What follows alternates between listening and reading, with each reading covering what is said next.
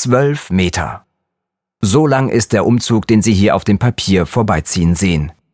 Man erkennt Prominente, Musiker, Fahnenträger. Was Sie hier sehen, ist jedoch nicht irgendein Umzug, sondern der Trauerzug anlässlich des Todes von Kaiser Karl V., der Ende 1558 durch die Brüsseler Straßen zog. Sein Sohn Philipp II. ließ ein Jahr später ein Album davon anfertigen, das als Werbung dienen sollte und zeigte der Welt auf diese Weise, wie beeindruckend die Promishow war.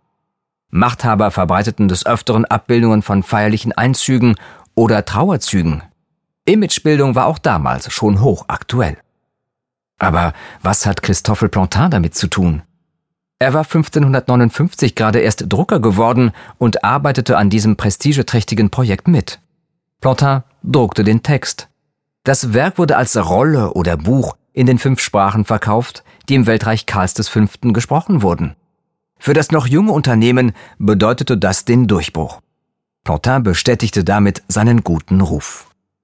Plantin und seine Nachfolger druckten viel, sowohl für die weltliche als auch für die geistliche Obrigkeit, und sicherten sich dadurch ein festes Einkommen.